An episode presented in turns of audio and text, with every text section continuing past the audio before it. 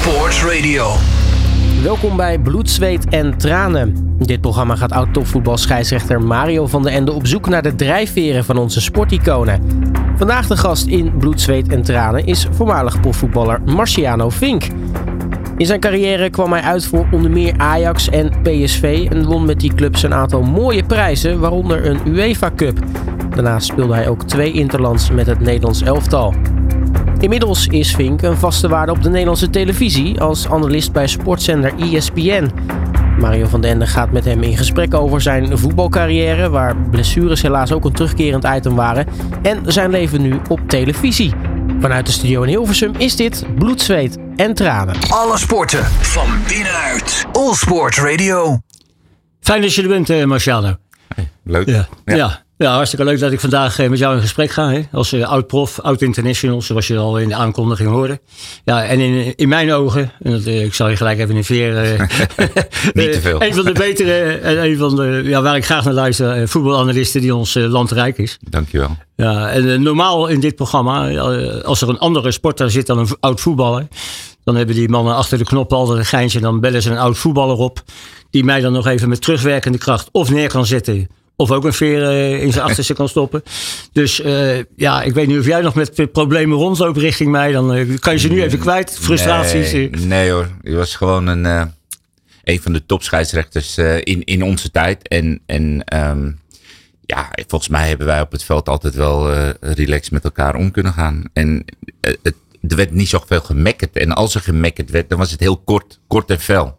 En, en dan was het ook wel gelijk dat een scheidsrechter van Dien, die had dan gelijk ook wel een opmerking. En die zette je dan direct op je, op je, op je nummer. En wat dat betreft, volgens mij was het altijd wel, eh, wel oké eh, op het veld. En Nou ja, zeker tussen ons. Ik was ook blij dat je, toen ik, eh, toen ik belde of je hier eh, aan wilde schuiven, ook gelijk ja zei. En dan, nu zeg jij net over dat mekkeren. Ja, ik kan me ook nog wel eens herinneren dat ik bij een speler zei, als ik gemekker wil horen, dan koop ik wel een geit. Ja, nou exact zo ging het. En dan was het eigenlijk ook wel klaar. Ik weet ook nog wel dat Jan Wouters zo met Hoepen, die had, die had daar best wel problemen mee.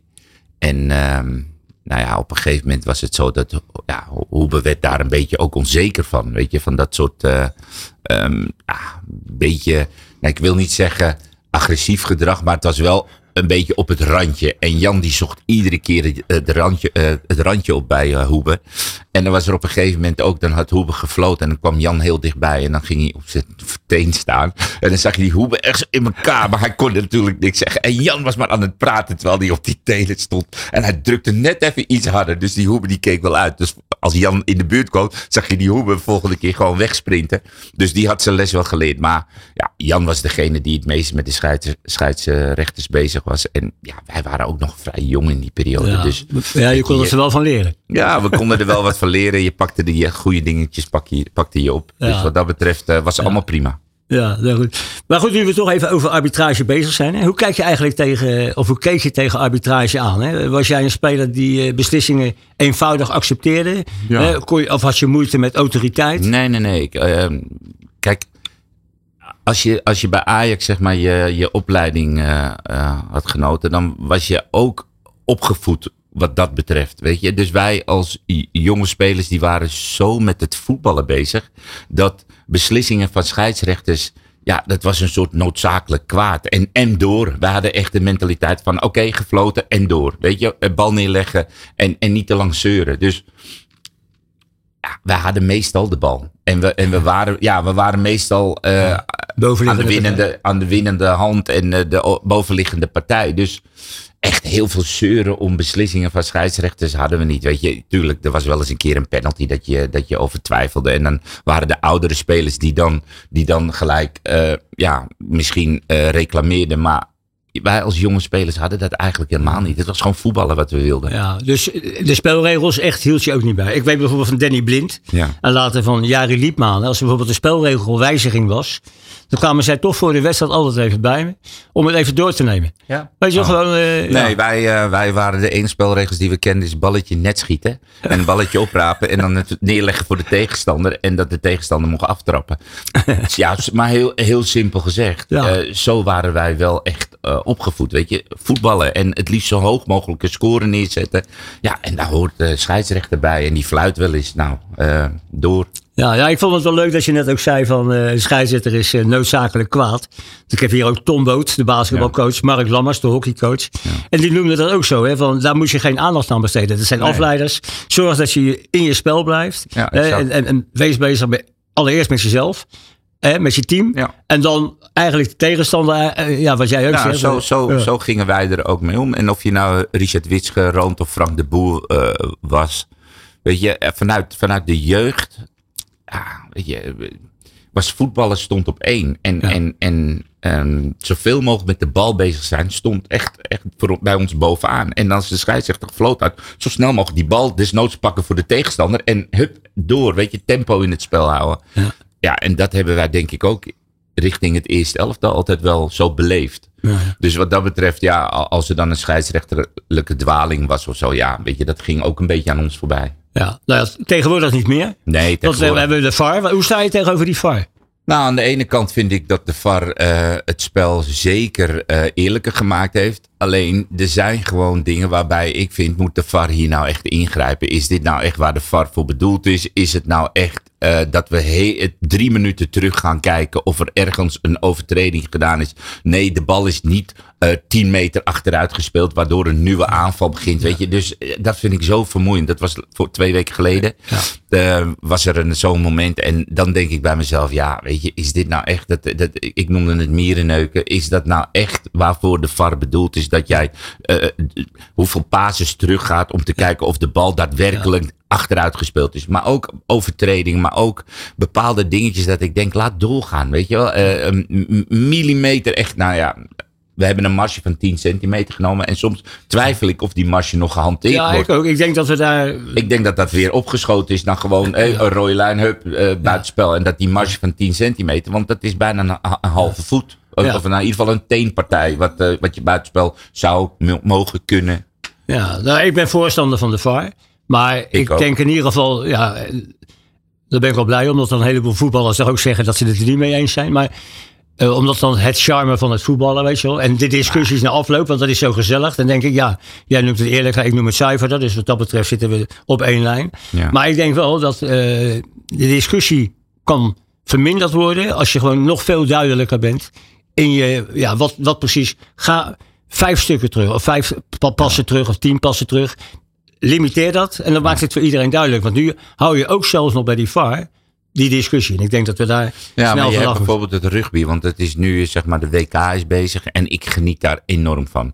En die uh, scheidsrechter die daar loopt, zie je dat hij communiceert met de spelers. En dat is een open communicatie. Dus het ja. hele stadion hoort dat. En hij roept ook de aanvoerders. Het zijn de enige twee die bij hem komen. En dan zegt hij van, hé luister, zo gaan we niet spelen. Zo zijn we hier niet voor naar het stadion gekomen. Ja. En dan zie je die twee, die geven elkaar een hand. En die hebben zoveel respect voor uh, de scheidsrechter. Maar ook de supporters hebben zoveel respect voor de beslissing van de scheidsrechter. Ja. En dan kan het een offside zijn, of het kan uh, een bal, een knock-on, een, knock een bal vooruit gespeeld. Ja. De beslissing wordt direct gecommuniceerd met, met het publiek, want die horen dat. Maar ook de varbeelden zijn op het grote scherm, dat iedereen mee kan kijken. Want je ziet de scheidsrechter ook gewoon zo naar het grote beeld kijken, wat er nou precies gebeurd is. En dat vind ik wel heel open en ook heel transparant. En ik denk dat het voor toeschouwers, om meer respect te krijgen voor beslissingen, vind ik het denk ik wel een misschien een toevoeging om dat ook gewoon zo transparant en open te doen. Nou ja, ik, ik denk dat uh, transparantie in dit uh, enorm veel ja. ruis weghaalt. Daar ben ik het helemaal met je eens. Uh, als ik even kijk naar ESPN. Hè, waar jij zelf ja. werkzaam bent. Daar hebben jullie een tijdje, heb je daar Dick van Egmond of Reinhold Wiedemeijer, twee oud scheidsrechters, mm -hmm. die, dat, die scheidsrechtelijke beslissingen uh, mochten verklaren. Ja. Ja, die waren allebei in dienst van de KNVB. Dus in mijn optiek praten die ook heel veel met uh, mail in de mond. Hè, ja. dat, uh, een beetje het Ursel, Ursel de Geer systeem van het was hier fantastisch. Hè, alles was positief en alles was goed. Ja.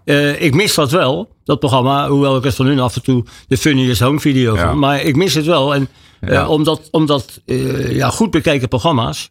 Uh, zoals jullie ook uh, die napraat hebben ja. van de eredivisie. Denk ik dat dat gewoon een heel onderdeel is waar je heel veel nog...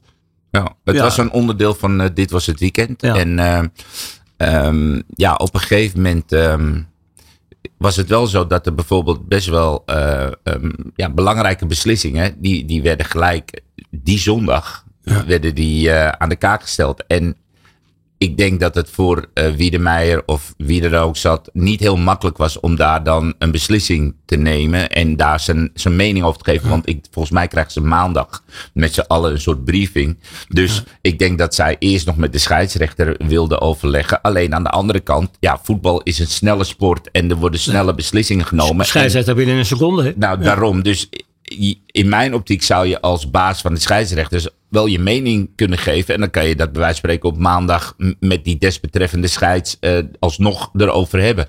Alleen, ja, hij vond, ik denk dat ze vonden dat ze een beetje in een lastig pakket uh, geduwd werden en dat ze het niet meer wilden. Dat is wel jammer, want uiteindelijk die transparantie waar we het over hebben, dat, dat was ook een onderdeel daarvan natuurlijk. Ja, nou, maar ik vind zo'n programma toegevoegde waarde, omdat ik ook nog wel eens, uh, ook bij collega's van jou, dan, dan hoor ik bijvoorbeeld termen als ja, dit was te licht voor een strafschop. Ja. Of dit was te weinig voor een strafschop. Uh, of de speler denkt nu dit. Of uh, de, de speler laat zich makkelijk vallen. Nou, wat, wat, wat nu een erge discussie is. Kijk, als jij bijvoorbeeld uh, de, de, een, een, los, een, ja, zeg een bal die ergens tussen valt.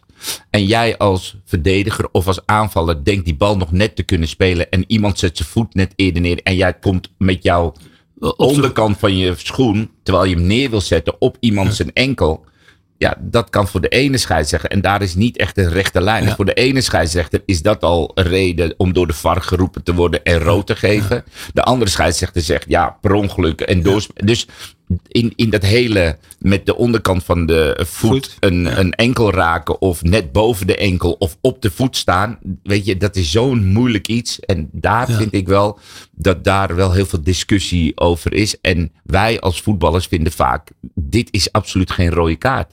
Want die jongen die probeert echt de bal te spelen en die andere is gewoon net even een tikkie eerder. Die tikt hem weg met zijn voet. Hij zet zijn voet eerder neer dan dat hij hem echt een trap wil geven. Nee, maar daarom ben ik ook blij dat, uh, dat de experts zoals jullie, hè, die het allemaal hebben meegemaakt, dat die toch vaak op een andere lijn zitten dan de arbitrage. En ik denk dat, ja, dat het voor, voor FIFA, maar ook voor de KNVB gewoon noodzaak is om die twee visies gewoon eens heel dicht bij elkaar te brengen. Ja. Maar goed, we hebben, voor de uitzending hebben we getost. Blijft een beetje een gedragsdeformatie ja. voor mij. Voor de wedstrijd, voor het interview even tossen. Uh, je bent de tweede hier in de lange rij van gasten die midden in de zaal gaat zitten. Waarom is dat? Dat iedereen een heleboel um, kiezen hiervoor, waar ik nu zit. Ik, ik, weet het niet. Misschien heeft het ook te maken met het feit waar ik vaak bij ESPN aan, aan de desk zit. Misschien zit ik daar ook altijd in het midden. Dat zou, dat zou goed kunnen. Dat het onbewust toch iets uh, is wat, uh, wat bij mij prettig voelt. Nou, ik weet... Maar ik denk ook dat je centraal uh, wil zitten. En ik vind, het, ik vind het misschien wel leuker om middelpunt van die ja, nee, aandacht. Je, je zou zo scheidsrechter kunnen worden. Nee, maar ik weet, we hebben Ronald Koeman hier en Guus Hiddink. En die zeggen altijd van, ik ga tegen de muur. Oh, dan nee. krijg ik in ieder geval geen, geen messen meer terug. Oh, nee, nee, ja, nee, die messen die, uh, die ja. ontwijk ik mooi allemaal. Marciano, je bent uh, een week 53 geworden, een week ja. geleden. 53 geworden. Uh, nou, in 2002 stopte je met je actieve carrière. Ik zag je net hier op het Mediapark in Hilversum aankomen lopen. Je maakt in ieder geval nog wel een energieke indruk. Ben je net als jouw oud leef, of jouw leeftijdsgenoten ook nog bezig met golven, met padellen. Nee. Tegenwoordig iedereen nee. padelt, geloof ik. Nee, dat klopt. ik, um, ik, ja, ik ben wel vaker. Kijk, ik heb een periode heb ik uh, gegolfd. En dat was eigenlijk een periode dat, dat golfen nog niet zo heel populair was. Dus ik had ook nog geen GVB-bewijs. en een vriend en ik, die waren eigenlijk iedere keer waren we in staat om um, ja, je in te schrijven. En dan werd er nooit gevraagd of wij een GVB hadden. Dus als wij dus een bewijs hadden om de baan op te mogen. En iedere keer wisten we dat op de een of andere manier te ontwijken. En wij speelden op de mooiste banen, 18 holes.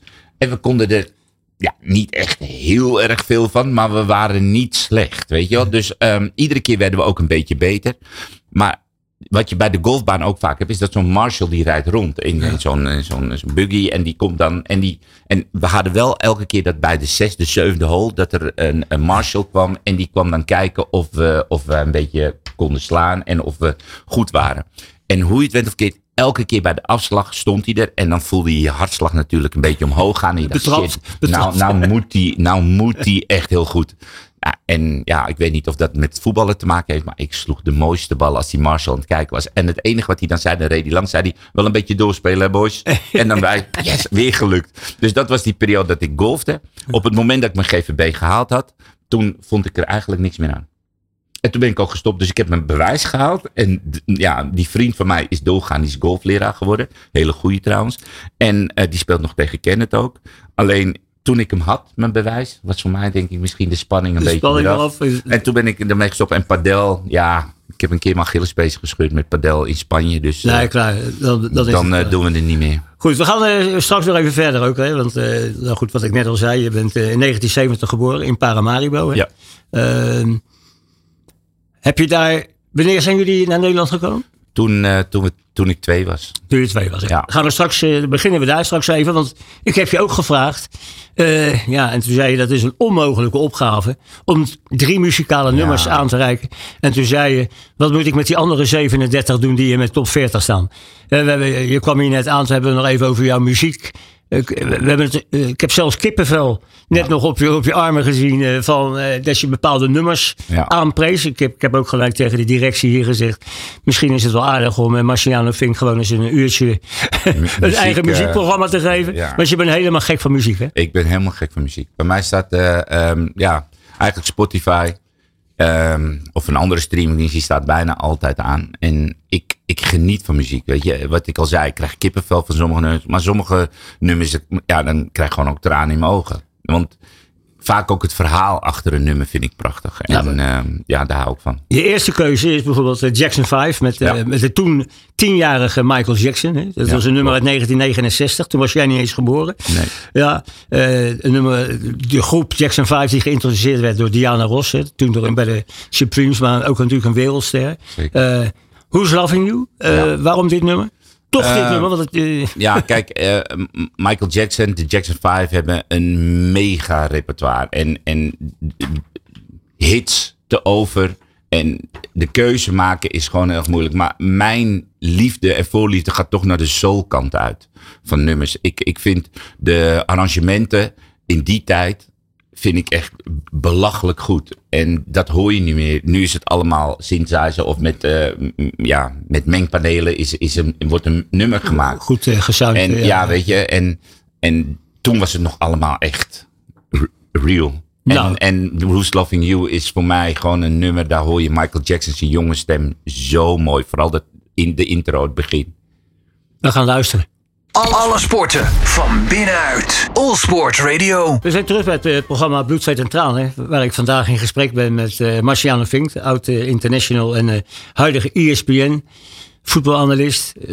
Ja, tijdens het nummer van Michael Jackson, ja, ik, ik zei al kippenvel, maar ik kreeg ook nog even een lesje van, over de Jackson 5. Dus Ja. het zit bij jou helemaal. Heel diep. Nou, weet je waar het eigenlijk door gekomen is? Eh, in, in mijn jeugd, ehm, ja, dan had je vroeger in de auto had je zo'n cassette, Cassettebandje. cassettedek, zeg maar. En, en ja, later kreeg je ze wat luxer van eh, Pioneer en al die eh, met al toeters en bellen. En je kon boksen achter in je auto. Nou, mijn vader had gewoon een normale cassettedek. Alleen wij hadden een, een, een kennis van ons. En ehm, Surinamers die houden van soul. En eh, Amerikaanse soul. En die man had denk ik wel 412 inch. eh, die had eh, LP's van alle soul artiesten. En dan maakte die voor mijn vader cassettebandjes. En dus mijn vader had heel veel cassettebandjes. En die gooide die in de auto. En dan moesten wij weer eens naar Arnhem, naar mijn oma. Of eh, ergens anders naartoe. En dan luisterden wij de hele weg naar, eh, nou ja, I'm Your Puppet. En dat soort, eh, weet je wel. Ja, ja, ja. Betty White. Dus ja, het is, het is, ik ben echt wel Met de paplepel ingegeven. met een paplepel ingegoten. 1970 geboren in Suriname. Ja. Hoe was de samenstelling van het gezin? Eh, vader, eh, moeder, zusje en, en ik. En ehm, de, ehm, mijn ehm, vaderskant familie, zijn oudste zus, die had zeg maar de keuze of ze naar Nederland of naar Amerika ging. Vanuit Suriname. Want Amerika is natuurlijk dichtbij. En ook daar lag natuurlijk misschien een mooie toekomst. En uiteindelijk koos ze toch voor eh, Nederland. En ja, zoals het dan een goed Surinaams gezin en familie betaamt, kwam de rest er eigenlijk ook achteraan. Ja. En zo zijn wij in 1972 in, eh, in Amsterdam terechtgekomen in de Bijlmer. In de Belmen. Ja. Oké, maar ja, maar goed, je werd, eh, ja, je, je werd natuurlijk geboren, dan kreeg je ook een naam. Ja. Marciano Carlos Alberto. Ja, Eh, 1970 geboren. Ja, dan is het volgens mij een inkoppertje. dat je dat- iets met sport moet gaan doen, hè? Dat je, maar Carlos Alberto was volgens mij Ja, de aanvoerder van van, Brazilië. van het WK-team, de winnaar. Hij scoorde volgens mij ook in die finale. Eh, was daar, de- is dat de link? Ja, dat is zeker de link. Mijn vader, ehm, eh, net zoals Surinaamse mensen, allemaal Brazilië, Brazilië gek zijn. En, Ja. en ehm, dat is nu wel afgevlakt, dat is, eh, dat is nu wel weg. Maar in die periode, de jaren 70, 80, dan, dan was je maar voor één land en dat was Brazilië. En eh, die aanvoerder, die, die, mijn vader vond hem eh, statig, prachtige speler. Aanvoerder? En, ja, nou ja, Ja. Carlos Alberto, dat waren dus mijn tweede en derde naam. Ja, dus En nog Marciano is Rocky Marciano natuurlijk. Rocky Marciano, ja. Dus je had ook nog Pele, Tostao, Gerson. Nee. Carlos Alberto, dat was de man. De aanvoerder, statig, altijd keurig. Eh, geen schopper, geen, eh, Nee, nee, nee. Een, een mooie voetballer. Bleef met voetballen als rechtsback overheen. Ja. Ja. Een beetje de Cafu van de Absoluut. 70 Ja, jaar. Nou, daar zou je misschien wel mee kunnen vergelijken. Ja, ja, ja, ja. Ehm, nou goed, toen kwam je in Amsterdam eh, te wonen. Ja. Hoe kwam je in het voetballen terecht? Je- Ehm, nou, wij, ehm, moet ik het goed zeggen, mijn vader werkte bij de gemeente in Weesp. En op een gegeven moment toen kon hij daar een woning kopen. Eh, vanuit de gemeente. En toen kwam ik in Aartsveld eh, te, te wonen. En, en toen sloot ik me aan bij ADE uit Weesp. Alleen daarvoor... alles, alles door Eendracht. Ah, ja, precies. Alles door Eendracht. En daarvoor speelde ik bij TOS Actief in Amsterdam. En dat speelde waar nu de toekomst eh, zit. Op Ja, de, ja. Precies op de velden waar nu veld 1 is, het hoofdveld. Dat waren de twee velden van TOS Actief. En dat was mijn eerste club. We gingen naar Weesp. ADE mijn tweede club. En toen had je nog eh, de regio-teams. Dus je had het Noord-Hollands, je had het Amsterdams elftal. Nou, en daar moesten selectiewedstrijden voor gespeeld worden. En dan gaf een amateurclub gaf je op. En ik was een van de betere voetballers, dus ik werd opgegeven. Speelde door, je toen als middenvelder, verdediger? Ehm, eigenlijk overal speelde ik. Ja, meestal middenveld. Want dan kon je het belangrijk zijn voor je team. Achterin, er moest gescoord worden. Voorin, er moest ook verdedigd worden. Dus ik was een beetje middenvelder en dan kon je overal helpen. En eh, toen werd ik opgegeven en toen heb ik op Riekerhaven, Sportpark Riekerhaven, daar kwamen alle jeugdspelers Jeugd. vanuit de ja, regio kwamen bij elkaar. En er werden vier, vijf selectierondes gehouden. En iedere keer kwam ik verder. En toen kwam Jannie van der Veen. dat is een scout, jeugdtrainer ja, Ajax. hoofdscout. Echt Ja. de allerbeste scout. Die heeft zoveel spelers Ja. binnengehaald. Die kwam eh, toen op een gegeven moment en die, ja, die, die wilde een praatje met mijn vader. En die vroeg of het, of misschien mogelijk was dat ik het seizoen erop eh bij En hoe oud was je toen? Ehm, ik denk 13. 13, ja. Dus heel 13, snel eigenlijk 13, al. Ja, 13. En er was zonder stage. Ze vroegen, wil hij volgend seizoen bij IJs komen voetballen? Nou, mijn vader begon over school. Hoe zit het dan? Nou, in de auto vertelde hij van, nou ja, meneer Van der Veen is gekomen met, met Herman Borman. Dat was een eh, trainer toen bij Ajax. En eh, die hebben toen gevraagd of ik volgend seizoen, en zo geschiedde, volgend seizoen ben ik bij Ajax aangesloten. Kon je het wel combineren met een school? Of omdat je Ehm, vader nou, daar gingen- toch ja, wel... eh, ik, ik, ik zat in, in Bussum op school, op het Vitus College. En ehm, dat was dan wel eventjes logistiek wel een ding. Want ik ging in het begin op de fiets. Dat was 12 kilometer Ja, vanuit Wees. 12 kilometer terug. En daarna trainen. Dus dan had ik al 24 kilometer in de benen. En dan moest je nog anderhalf tot twee uur trainen. Dat elke dag. En ehm, dat, dat was nog wel even een dingetje. Maar later, toen mocht ik met de trein. En eh, ja, het, was wel, het was allemaal wel prima. En dan stapte ik bij station Diemen Centrum uit. En dan liep ik zo langs de flats. Waar ik later ook nog gewoond heb. Tobias Asselaan liep ik langs de flats zo naar de, naar de meer. En toen was alles nog vrij leeg. En dan kon je vanaf de trein al het stadion zien. Ja, en die letters, hè? Die letters van Ja, Ajax, die, rode letters Die boven rode het, eh, letters. Ja, dat was wel aan de andere kant ja, van waar ik aankwam. ja. Dat was aan de middenwegkant. Tuurlijk, en ehm, ik kwam via de achter, achterroute, via Diemen. Maar ehm, ja, die letters die zijn iconisch. Eh. Die zag je van heinde verre. En toen hadden jullie, wat je net al ook eh, eerder zei, een eh, geweldige lichting, hè? Je Ja. hebt natuurlijk met de broertjes denk ik, gespeeld, hè? Met Nou, Mich- Michel Kreek, Dennis Ja, Bergkamp. met, met Richard, met Brian, met de Boertjes, Met. Michel Kreek, met eh, Danny Muller. ja. Eh, en dan vergeet ik er echt nog wel twee, drie. Maar goed, eh, maar dat was echt een, dat was echt een elftal. Danny Hesp. Danny Hesp, maar dat was echt een elftal van coaches maken. Wij haalden zelfs die bal Ja, net ja. op zo snel mogelijk om weer. zo snel door te gaan. Kijk, wij speelden op.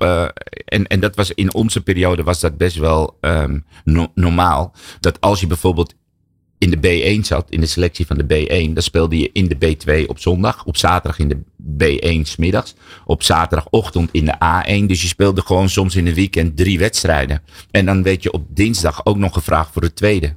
Dus je speelde wel eens gewoon vier wedstrijden in, in een week. En niemand die het had over eh, intensiteit of over eh, eh, ja, we moeten toch oppassen, want misschien doe je te veel. Nee, wij speelden gewoon s- waar je kon spelen, speelde je.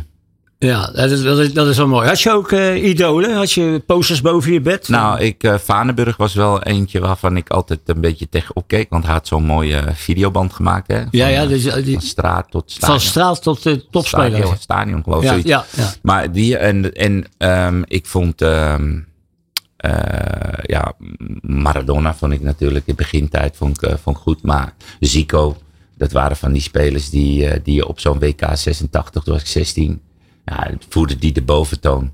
Eh 82 Spanje was Brazilië natuurlijk geweldig met Zico. En, Ja, ja, eh, ja. Nou ja, 86 was Maradona. Dus dat waren wel idolen groot woord, maar waren wel spelers die je dan misschien op de training bepaalde acties nadeed. Ja, en die is eigenlijk een beetje hetzelfde gevoel gaven als bijvoorbeeld Michael Jackson heeft. Absoluut, absoluut. Nou, Michael Jackson, dat was als ik thuis kwam, dan. eh, kijk, ik had ook zo'n tape deck eh, in mijn kamertje. En, Jullie eh, hadden TDK als sponsor toen ook. Ja, hè? nou, ook cassettebandjes, die moesten van TDK, dat is heel goed. Die cassettebandjes die ik haalde moesten van TDK, want eh, ja, dat was de sponsor.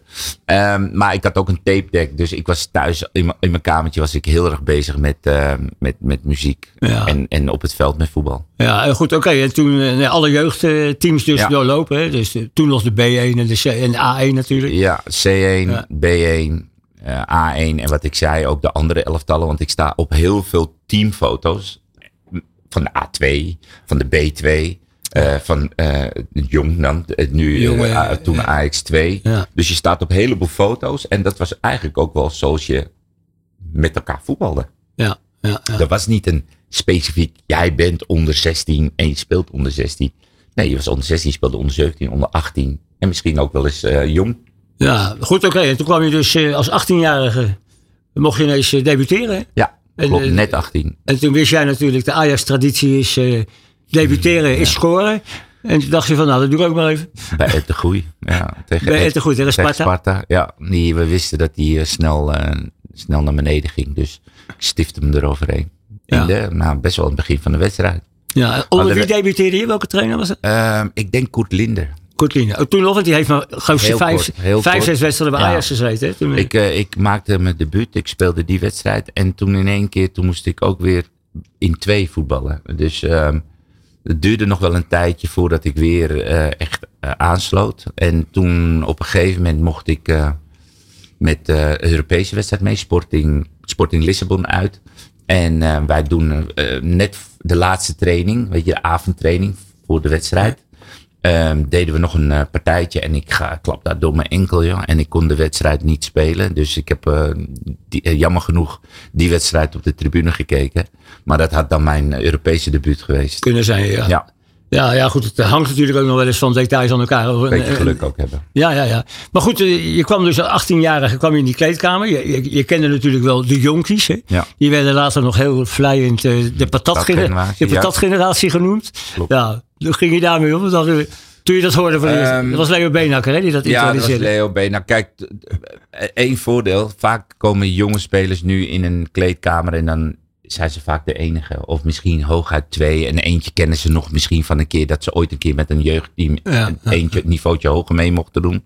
Dus vaak zitten daar al best wel ervaren spelers die wat langer. eh, en wij kwamen gewoon met ja, sowieso acht jongens van dezelfde leeftijd. En daar zaten al vijf van Aaron Winter, Rob Witsche, eh, van een jaartje ouder. Dus die groep was bijna 13, 13, 14 die elkaar heel goed kenden. Nou, en op een gegeven moment kreeg je in die groep, en dat kwam mede ook doordat Brian en Richard een megacontract kregen. En dat was een beetje kwaad bloed bij de ouderen. Had een beetje kwaad bloed gezet bij de ouderen. En als je dan in hun ogen niet alles ervoor over hebt, zoals zij dat wel hadden, dan, dan, dan steekt dat. Scheurt dat een beetje, ja. Nou, en, En die dus- ouderen, dat waren Wouters, Arnold ja, Muren, Blind, Danny Blind. Wouters, Ja. weet je, die, gewoon die hele groep. Die, en eh, op een gegeven moment was het ook, het werd een beetje ook op de spits gedreven tijdens de trainingen. Was het partijtjes jong tegen oud. Ja, dus nou, en dan was Bobby Harms, die was dan echt alleen maar voor oud. Dus elke bal uit hebben, hebben ging naar oud. Weet Ja, die floot die, floot die ja, ja. partijen. En die, dat was echt, ja, dat wij, dat wij gewoon heel erg, ehm, nou ja, moesten, ons moesten beheersen, beheersen en leren beheersen. Ja. Maar goed, lang verhaal kort te maken, daar ontstond wrijving en zo is een beetje die patatgeneratie eh ontstaan. eh, Ja, ontstaan. Ja, Nou goed, je hebt eh, vijf jaar toen bij Ajax eh, bij de selectie gespeeld. Hè? Ja. En toen, eh, toen kreeg je geloof ik wat oneenigheid over eh, ja, het verschil tussen guldens en lires. Ja, ja nou, lires toen nog. het, was, het was ook een eh, verschil tussen beloond worden naar, ehm naar wat ik in mijn ogen zou moeten verdienen. En wat Ajax op dat moment, en dan bedoel ik Van Os met name, wat hij, wilde, penningmeester. wat hij Ja. toen wilde uitgeven. En die zat enorm op de centen. Dat was echt eh, niet normaal. Maar goed, kijk, dat vind ik nog niet eens zo erg, want je bent nog jong. Alleen aan de andere kant moet je dan niet op de eh, hoofdprijs willen vragen bij een transfer. Dus, want dan ging je richting Ruud Gullit bedragen. En dat was ik nog niet waard. Dus als je aan de ene kant zegt, ik wil Ruud Gullit bedragen vragen. Dus 17, 18 miljoen gulden. Dan moet je daar ook een beloning een beetje evenredig eh aan geven. En ik kan niet voor een dubbeltje op de eerste rang. En dat gevoel was heel sterk bij Ajax in die tijd. Ja, ja, goed. En toen eh, vertrok je naar Genua. Ja, Geen verkeerde plek, hè? Nee. Eh, Naar Liguria-kust. ja. Ja. En dan heb je de Serie A. Dat was- toen het wel Halla, denk ik. Voor een, zeker voor jonge spelers. Maar je zat daar natuurlijk ook met een aantal buitenlandse spelers. Hè, met de Hongaar eh, Detari en die Tsjech uh, Skouravi. Jij speelde natuurlijk ook nog met Petrescu, die rechtsback geloof ik. En Johnny van Schip speelde er onder andere. Ja, eh, nou dan kom je daar ook als jonkie. En toen hadden ze ook nog die buitenlandersregel. Hè, dat er maar drie Ja. mochten starten. Dat, Ja. dat, was, dat was lastig, maar dat wa- was voor alle clubs lastig. En nou ja, de grotere clubs hadden nog meer buitenlanders. En wij hadden er vijf en dat was al eh, behoorlijk pittig. En het enige nadeel was als dan op jouw positie, en ik stond eh, rechter middenvelder, ook nog een hele goede Italiaan eh, rondliep, zoals eh, Rotolo. Dan was het soms voor de trainer best wel een makkelijke keuze. Als je dan drie buitenlanders en je hebt Scouravi die altijd moet spelen. Johnny van Schip die er een beetje omheen voetbalde als tweede spits. Ja. Nou, en dan blijft er nog één buitenlandse positie over.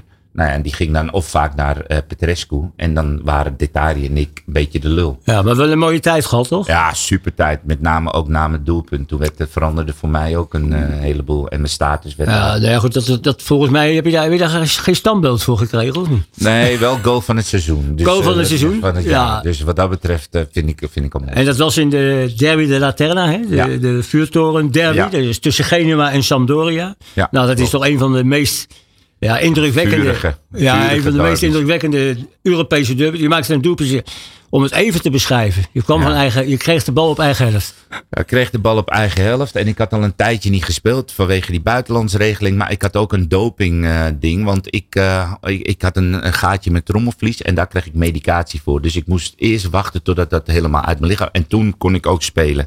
Maar ja, die wedstrijd kwam. En ehm, ik krijg de bal op het middenveld. En ja, er komen een aantal spelers. Waaronder Fjerkewood, ehm Evani. Ja. ehm, en, Ja, die passeerde je. Ja, die dat is, dat ongeveer een zelfmoordpoging om die te passeren. Ja, wordt wel, ja. Nee, de vier, vijf spelers die passeerde ik. En het ging allemaal eigenlijk in een roes. En op een gegeven moment kom ik bij de 16 en ik maak een schijnbeweging naar rechts. En ik kwam bijna niet meer uit. En ik kon hem nog net met een soort halve punter, sliding punter, achter Paljuka eh, eh, schieten. Een aardige keeper, hè? Ja, ja, keeper ja. En eh, ja, dat was wel een, een goal ja, die een- in de verste verte een beetje leek op die van Maradona. Nou, Op het- op het laten, we, nou, laten we dit gevoel dan even vasthouden. Ja. Want jij gaat weer even swingen. Ja. Hè, want, eh, je hebt, de tweede keuze was eh ja, The Emotions. Zo'n eh, trio damesgroep. Hè? Ja. De- Een beetje de Amerikaanse variant van Luf. Laten we zo maar even noemen. Ja. Maar dan, Ja, Kijk, weet je, ik wilde, ik wilde, omdat ik Who's Loving You en het, mijn laatste nummer is ook al een beetje, ik wilde wel een beetje een uptempo, soul-achtige, Motown-achtige nummer hebben.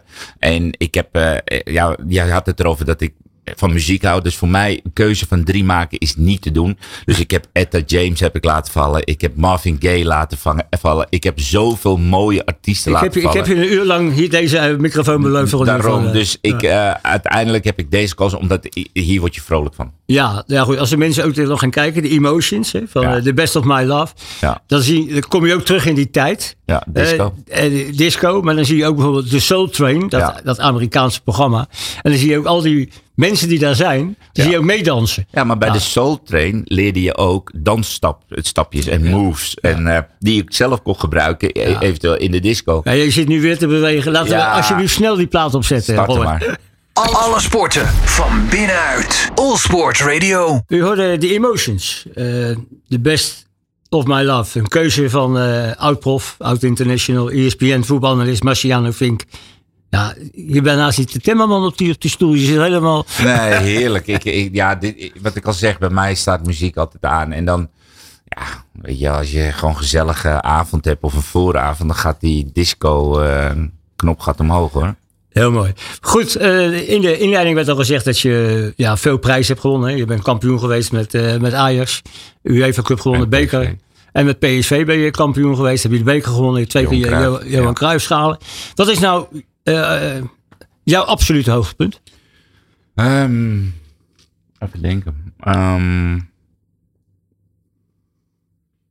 ik denk toch het Nederlands elftal halen.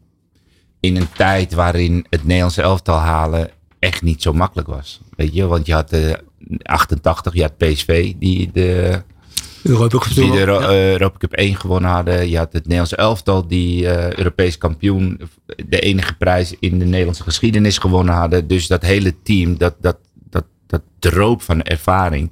En het was gewoon een heel erg hecht team. Met Gullit, Van Basten, Rijkaard. Nou, dat waren dan eh, een beetje de, de spelers die niet bij PSV. En de rest was veelal PSV. ehm, dus daarbij komen in die periode was niet zoals bijvoorbeeld Van Basten al die spelers op, opriep om eh, een, een debuut te maken. En dat ik twee wedstrijden mocht spelen, dat was louter. Tegen Malta en tegen Finland. Ja. Op weg naar de EK Ja, 90. 92, hè? 90 volgens mij in Nee, Italië. dat was WK. Dat was, ja?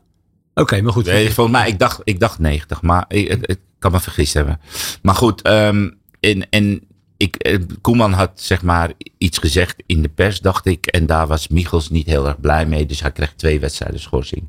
Nou, dat, ik speelde bij Ajax laatste man, inschrijvende laatste man.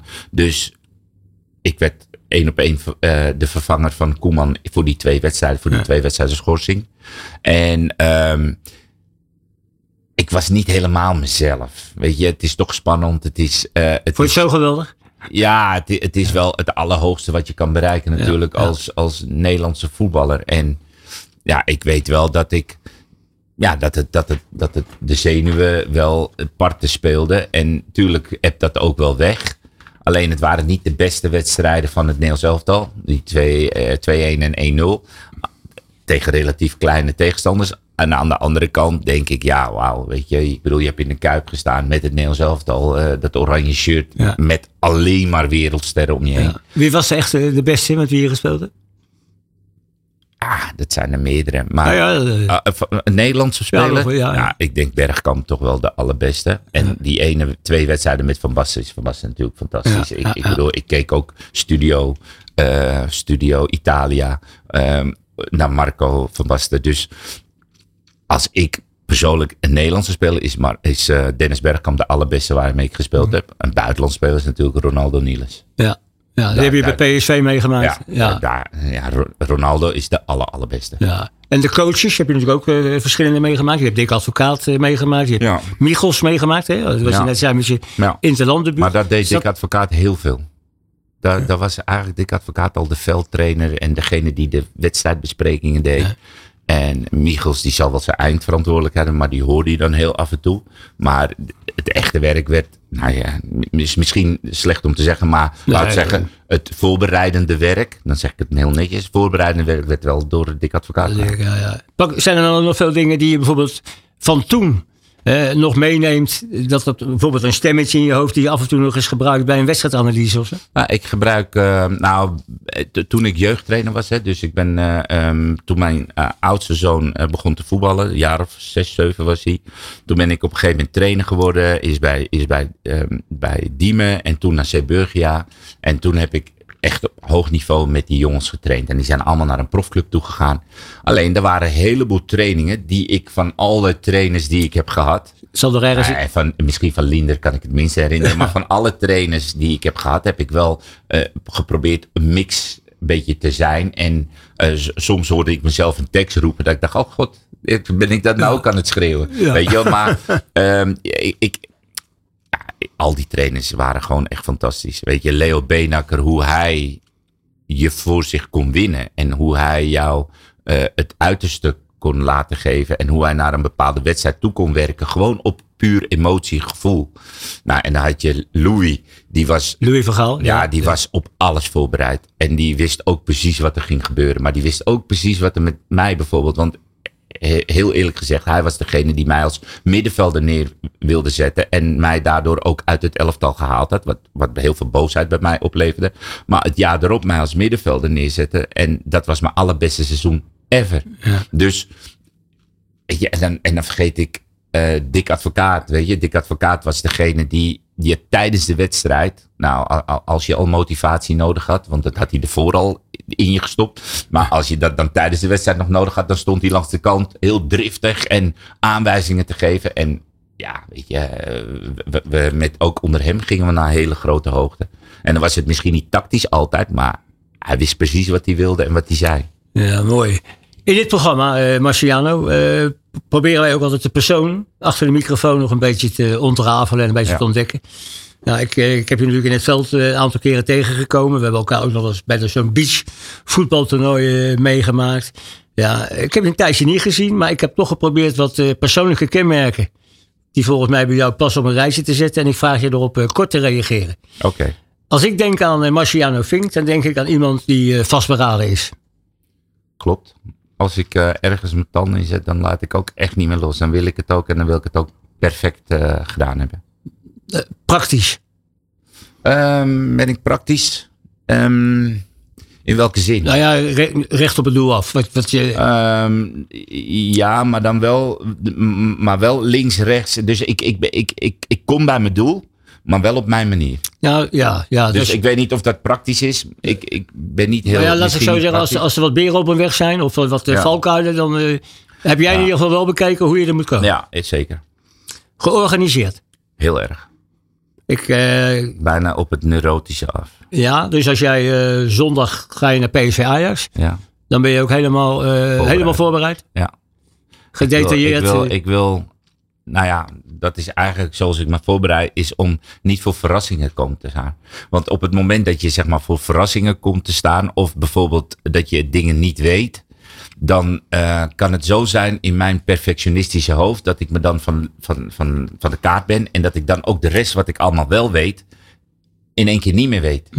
Wat? Dus eh, ik, ik ben zwaar perfectionist. ja, dat Dus kan, wat- dat kan ik dus doorstrepen. ja, ja, ik ben een zwaar perfectionist. Dus wat dat betreft, die willen op alles goed voorbereid zijn. ja.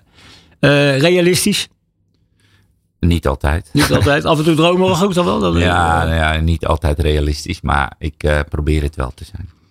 eh, ja, ik heb ook staan nadenkend. Ach, mega. Mega. Alleen maar. Te veel.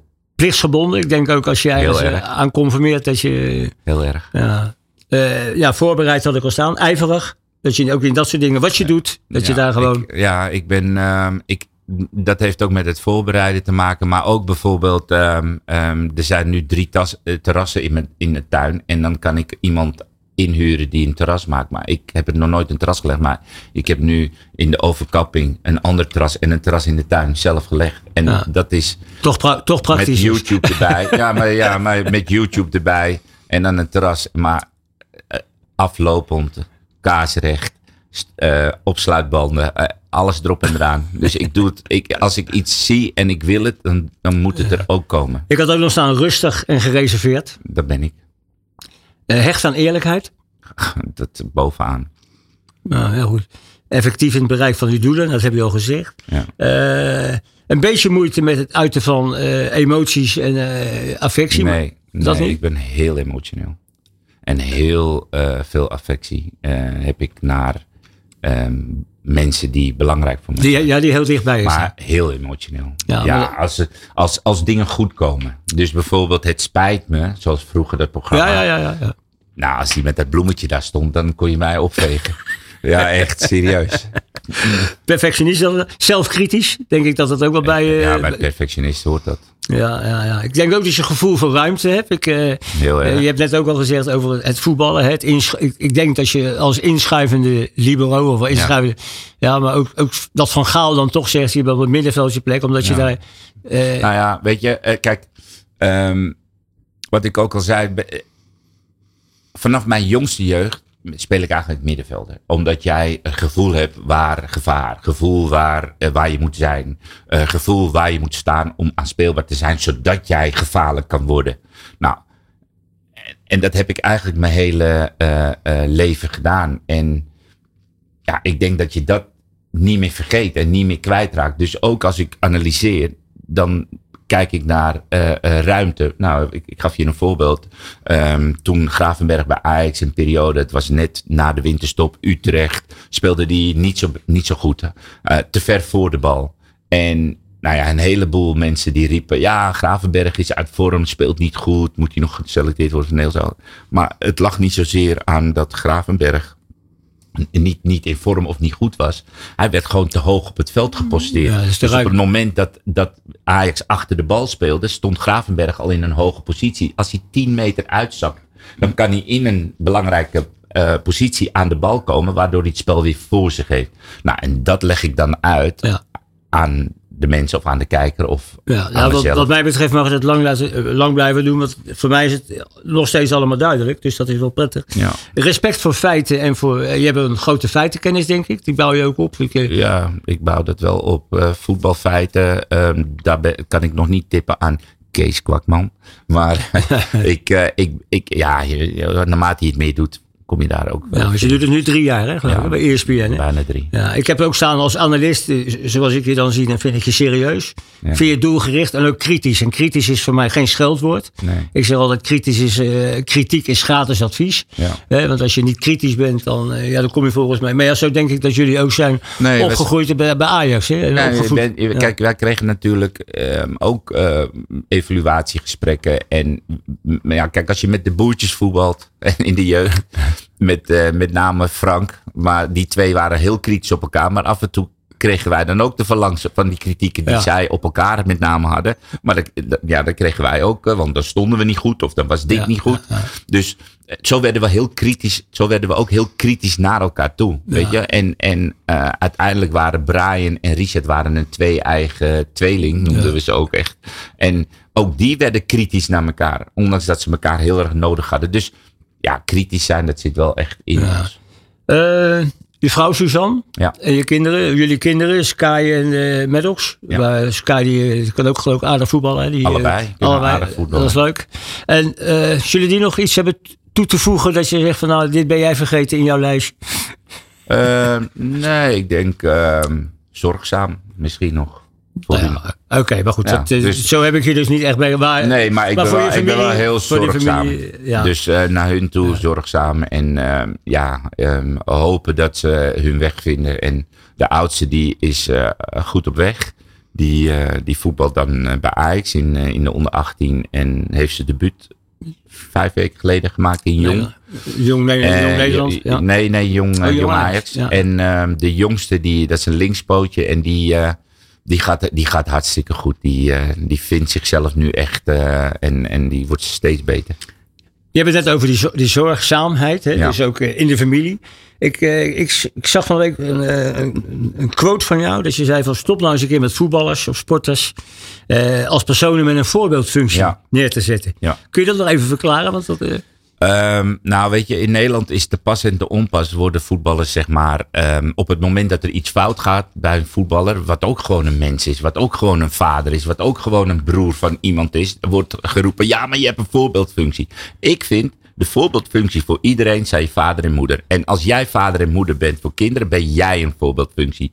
Dus op het moment dat jij dan jouw kinderen gaat voorhouden, ja, maar Berghuis is een voorbeeldfunctie. Nee, jij bent de voorbeeldfunctie voor jouw kinderen. Dus op het moment dat jij weet uh, aan te geven aan jouw kinderen wat Berghuis doet, mag niet. Heeft niks met voorbeeldfunctie te maken. Het mag niet wat hij doet. Hè? Iemand een klap geven of whatever. Leg dat uit. En dan zullen jouw kinderen naar jou opkijken. En die zullen zeggen: Nee, dat klopt papa, mama, whoever. Ja, ja. En weet je, maar dat voorbeeldfunctie wordt een beetje onterecht gebruikt. Nou ja, goed, ik vind het uh, eigenlijk een hele mooie afsluiting. Want uh, het uur bij jou, dat, uh, ja, dat is alweer voorbij. Dat is al, dat is al bijna om. Ja, iedereen die hier zit, die mag altijd een gele of een rode kaart uitdelen. Die, je, je voorgangers maakten daar gretig gebruik van. Ja. kies maar geel of rood of beide. Nou, zullen we dan uh, uh, rood sowieso doen voor al die uh, wedstrijden die gestaakt worden? Vanwege bekers, supporters die naar een stadion gaan en die denken: we kunnen ons hier misdragen. Kunnen wat je thuis niet doet, met dingen gaan gooien. Ja, uh, ja in, in, sommigen noemen het vreugdebier. Ik noem het gewoon hou je bier in je hand en drink het lekker op. Ja, ja, dus daar geef ik een rode kaart. En een gele kaart geef ik aan, uh, ja, mag ook wel geel-rood, donkerrood. Laat ik, nou, donkergeel. Dat geef ik aan die supporters die zich in het buitenland weer niet kunnen gedragen. Zoals we afgelopen week weer gezien hebben in Lans. Bij... Ja, maar ook, ook buitenlandse clubs die naar, ja. naar Alkmaar komen en zich daar niet kunnen gedragen supporters van AZ die in het stadion zich niet kunnen gedragen. Supporters van Feyenoord die in Rome, weet je. Dus zo kunnen we alle clubs, supporters van Ajax die zich niet gedragen in een thuiswedstrijd. Zo kunnen we dus al die supporters wel op één hoop vegen. Ja. Die zichzelf supporters noemen. Ik noem ze niet supporters, maar goed. En ik, ja, stop daarmee. Stop maar, we daarmee. gaan, maar we gaan toch positief eindigen. Ja, absoluut. Want je derde muzikale keuze is George Michael. Yes. Die staat gelijk in de achting bij mijn vrouw ook. Want dat is ook haar absolute favoriet. Uh, je hebt een nummer gekozen die uh, eigenlijk uit de Queen-serie ja. komt. Hè? Somebody to Love. Ja. George Michael. Waarom dit nog even? Nou, George Michael is voor mij echt wel een muzikale held. Um, ja, je had Michael Jackson en um, um, nou ja, Madonna en, er waren, en Prince. En, er waren, en eigenlijk daarna kwam, kwamen er heel lang, hè, Elvis daarvoor, maar heel lang geen muzikale helden. En ik vond George Michael echt uh, uh, eerst met Wham heel lang uh, verborgen gehouden dat hij homo, homoseksueel is. En vervolgens kwam hij ervoor uit met een album en dat deed hij op zijn manier op een gegeven moment verliefd geworden op, op um, Anselmo. En die raakte heel erg ziek. ziek toen. En, ja. en um, Queen, Freddie Mercury was overleden. En ze waren aan het rehearsal voor de, de, de Queen de tribute. tribute. Ja. En George Michael kwam eigenlijk niet, want die had heel veel verdriet vanwege het overlijden, geloof ik. Of het ziek zijn van zijn, van zijn partner. En hij had daar heel veel moeite mee. En op een gegeven moment hadden ze de laatste rehearsal. En ja, ze keken allemaal om zich heen van ja, waar is George? En toen kwam hij aan en toen... Pas. Bam, in één keer. Ja, nou, ja gaan... en dan ben je voor mij een artiest. Ja. Als je dat in één keer met alle verdriet die je hebt.